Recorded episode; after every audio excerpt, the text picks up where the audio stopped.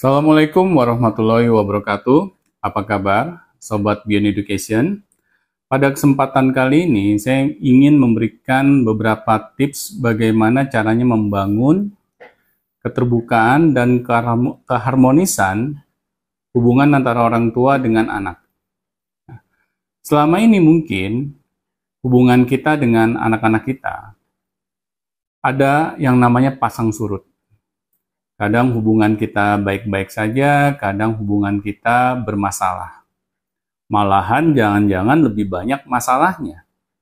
Nah, di sinilah sebenarnya PR bagi kita sebagai orang tua untuk mencari tahu mengapa hubungan dengan anak kita selama ini itu lebih banyak surutnya. Karena sudah menjadi hal yang wajar, Sobat Beyond Education. Kalau kita sebagai orang tua itu dituntut terlebih dahulu menjadi sosok seorang role model bagi anak-anaknya. Kita tidak mungkin menuntut sebaliknya kepada anak-anak kita, bahwa anak-anak kita lah yang harus memberikan terlebih dahulu sosok seorang yang dewasa, yang paham bagaimana bersikap kepada orang tuanya. Karena sampai kapan pun itu tidak akan mungkin terjadi. Kita sebagai orang tua yang harus mau mendahului bahwa kita sebagai orang tua paham bagaimana caranya bersikap. Agar apa? Agar anak-anak kita itu dapat menirunya. Kalau kita sebagai orang tua merasakan bahwa ya memang anak saya sudah seperti ini, anak saya pendiam, anak saya memang sikapnya jelek, sudah saya beritahukan berulang kali, tapi tetap saja anak saya maunya sendiri-sendiri. Nah, akhirnya mau sampai kapan kejadian itu berlangsung? Karena kita sebagai orang tua harus sadar bahwa yang namanya anak-anak, secara keilmuan, secara pengetahuan, secara wawasan, pengalaman, mereka itu masih bisa dibilang itu di bawah para orang tuanya. Kalau kita sebagai orang tua tidak mau mengubah cara parenting kita kepada anak-anak kita, ya bagaimana keterbukaan dan keharmonisan itu dapat terjadi di lingkup keluarga kita. Seharusnya orang tua sadar bahwa kita dilihat, sikap kita kepada anak-anak kita itu dilihat oleh anak-anak kita. Bagaimana cara kita memperlakukan mereka. Bagaimana kita berkomunikasi dengan mereka.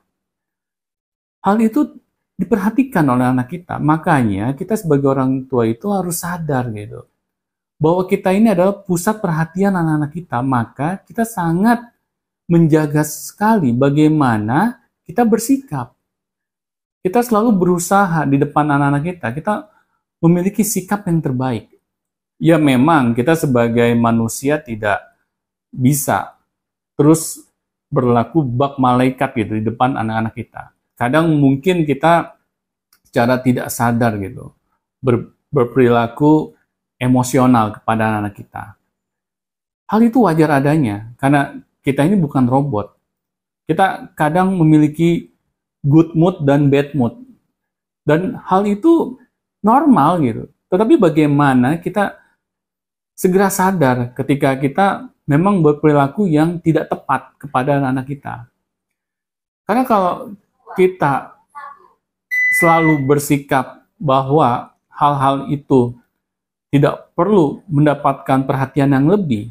Misalnya kita berperilaku emosional dan kita anggap ya namanya juga manusia, kadang pasang surut ya wajar dong saya kadang marah kepada anak-anak kita. Ya anak-anak kita juga harus sadar dong bahwa orang tuanya ini bukan orang tua yang sempurna. Nah ini pertanyaannya, ini yang waras itu siapa gitu. Kalau kita selalu berkeinginan bahwa anak kita lah yang harus menjadi anak yang pengertian terlebih dahulu kepada orang tuanya, berarti sama saja gitu. Kita sebagai orang tua itu ya tidak ada bedanya dengan anak-anak kita yang masih berpikiran kekanak-kanakan. Sedangkan orang tua ini dituntut kedewasaannya dalam bersikap, berpikir, kita tidak mungkin gitu Kita menginginkan sebaliknya. Anak-anak kita dulu yang bersikap manis kepada orang tuanya. Karena anak-anak kita ini membutuhkan contoh yang ada di hadapan mereka. Apalagi kalau kita sejak anak-anak kita kecil sampai anak-anak kita besar, kita tidak memiliki hubungan yang baik.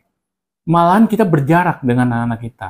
Dengan seribu satu macam alasan ya. Saya kan sebagai orang tua harus mencari nafkah, kalau saya tidak mencari nafkah, bagaimana saya dapat menghidupi anak-anak saya? Nah, itu kan biasanya menjadi, menjadi senjata pamungkas gitu. Bagi para orang tua untuk menghindari tanggung jawab yang sesungguhnya, yaitu mendidik anak-anak kita. Nah, di sini, Sobat Beyond Education, bagaimana kita mau merendahkan hati kita? Untuk apa? untuk belajar menjadi orang tua yang terbaik bagi anak-anak kita. Ya dimulai dengan cara kita berkomunikasi kepada anak-anak kita. Karena hanya dengan komunikasi yang baiklah, maka keterbukaan, keharmonisan itu dapat terjadi di lingkungan keluarga kita. Kalau hal itu kita bangun, saya meyakini bahwa yang namanya keterbukaan dan keharmonisan hubungan antara orang tua dan anak itu bukan lagi menjadi sekedar impian, tetapi sudah menjadi sebuah kenyataan. Mengapa? Karena kita berusaha untuk melakukannya. Kita mau segera melakukannya. Kita tidak hanya menyerahkan semuanya kepada nasib baik saja gitu. Di sinilah, wahai para sobat Bin Education, mari kita sebagai orang tua, ketika diberikan amanah seorang anak, pasti kita sudah dipercaya oleh Tuhan gitu, bahwa kita mampu dalam mendidik mereka. Nah, tetapi masalahnya, bahwa amanah yang sudah diberikan oleh Tuhan itu, itu bukan berarti ya sekedar hanya titipan semata tanpa kita memberikan effort kita gitu, usaha kita kepada anak-anak kita. Nah, di sinilah, wahai sobat Beyond Education, mari kita menjadi orang tua yang berpikir. Mengapa saya awali dengan berpikir? Karena dengan berpikir kita akan mau mengevaluasi cara kita sebagai orang tua. Yaitu kita mau merubah gaya-gaya kita sebelumnya yang mungkin kurang tepat. Dan akhirnya setelah kita mau melakukan evaluasi cara kita menjadi orang tua, insya Allah, Sobat Ben Education, kita bisa menjadi orang tua yang terbaik bagi anak-anak kita. Sekian, terima kasih.